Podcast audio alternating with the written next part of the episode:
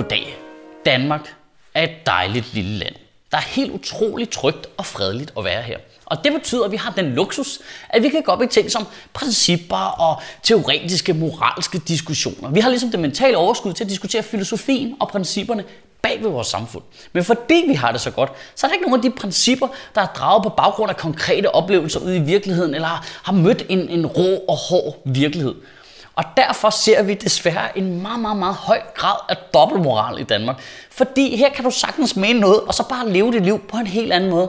De to ting har ikke noget med hinanden at gøre, teorien og virkeligheden. Det kommer ikke ud af noget konkret overhovedet. Det er derfor, vi er så dobbeltmoralske i stort set alt, hvad vi laver. Danskere går op i fødevaresikkerhed og økologi, men samtidig er vi de mest nære forbrugere i Europa. Vi snakker alle sammen om bedre børnepasning og bedre hospitaler, men vi stemmer konsekvent på partier, der skærer ned på de ting. Vi er alle sammen imod EU eller skeptiske over for EU, men lige så snart der er en løsning, der kræver EU, så er vi der med det samme nu, og så skal der være fælles europæiske løsninger. Og nu har vi så diskuteret ytringsfrihed og Mohammed-tegninger i 10 år, og så kræftede mig, om ikke det danske indfødsretsudvalg den anden dag nægtede at give en mand statsborgerskab på grund af noget, han havde ytret.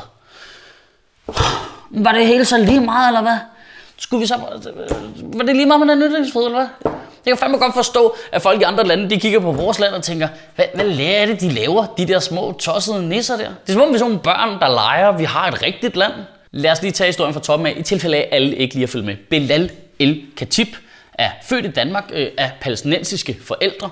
Han er vokset op som muslim, men i teenageårene skiftede han. Han konverterede til kristendommen, han farvede sit hår lyst, han begyndte at gå med blå kontaktlinser, han blev fremmedfjendsk og blev til sidst formand for Dansk Folkeparti Ungdom i Roskilde. Er, er det rigtigt? Det lyder som om, at jeg sidder her direkte ud af røven.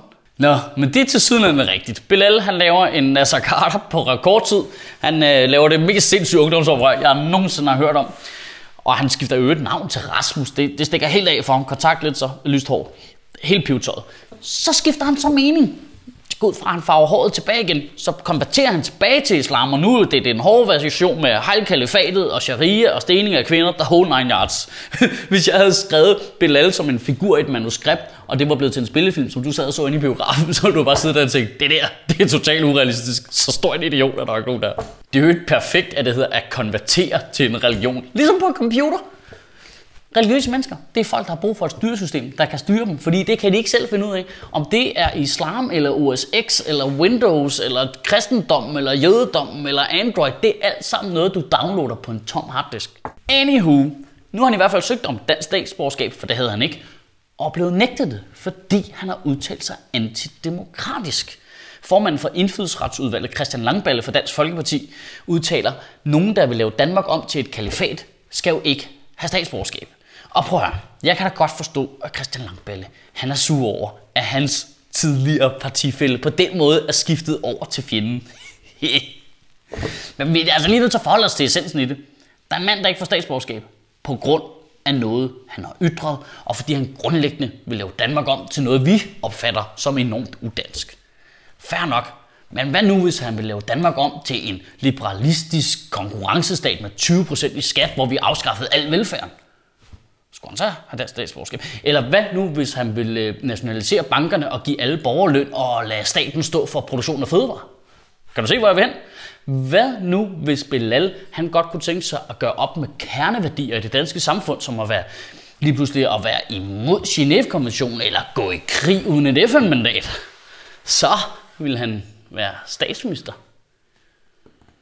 Pointen er lidt, at lige meget hvor dumt du og jeg synes, at kalifatet lyder sådan, eller kommunismen, eller sådan noget neoliberalisme, eller pro-amerikanske nikkedukker, der nu arbejder for Goldman Sachs. Lige meget hvor åndssvagt vi synes, de mennesker er, så kan vi altså ikke lade det have indflydelse på folks helt basale rettigheder i vores land. Prøv, det, det er kun en uge siden. Det, det er en fucking uge siden, vi alle sammen skulle være sure over, at nogle muslimer ikke respekterede grundloven. Men nu er det os selv, der til tid sætter ytringsfriheden 100% og lader en mands statsborgerskab afhænge af hans politiske holdninger. Hvad, hvad sker der for vores politikere? Kan de kun huske 12 sekunder ad gangen, eller hvad? Det er fucking guldfest, der styrer det her land. Prøv nu se lige nu. Ingen jokes, ikke noget som helst, bare livet af landvejen. Det er forkert. Det er helt galt. Det er en helt forkert vej at gå ned af, at lade folks politiske holdninger afgøre, hvilke rettigheder de har i vores land. Det dur ikke. Det værste er næsten faktisk, at det er en eller anden 25-årig fyr, der først var formand i DF Ungdom i Roskilde, og nu går ind for sharia. Tænker du, at det lyder som den mest velovervejede fyr? Er det sådan en, hvor du tænker, nej, alt hvad der kommer ud af ansigtet på ham, det skal vi tage 100% alvorligt. Det er som om, når folk er brune i huden, så tager vi det, de siger, enormt alvorligt. Altså, det er virkelig underligt. Hvis en hvid mand siger noget tosset, der er helt bims kugeluk i bøtten, så slår vi det hen, så er det sådan, ah, fucking idiot, ham der, bare lad ham være. Men hvis du er brun i huden, så er det lige pludselig et gigantisk samfundsproblem.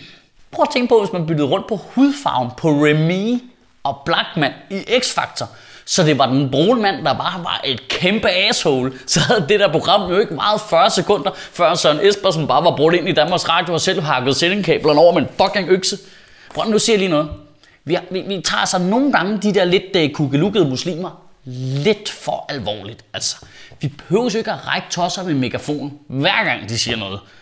Altså, jeg vil godt klare, at det ikke genererer lige så mange hits på tv2.dk, men vi kunne jo behandle dem lidt ligesom vi gør med vores egne nazister, eller med Jehovas vidner, bare...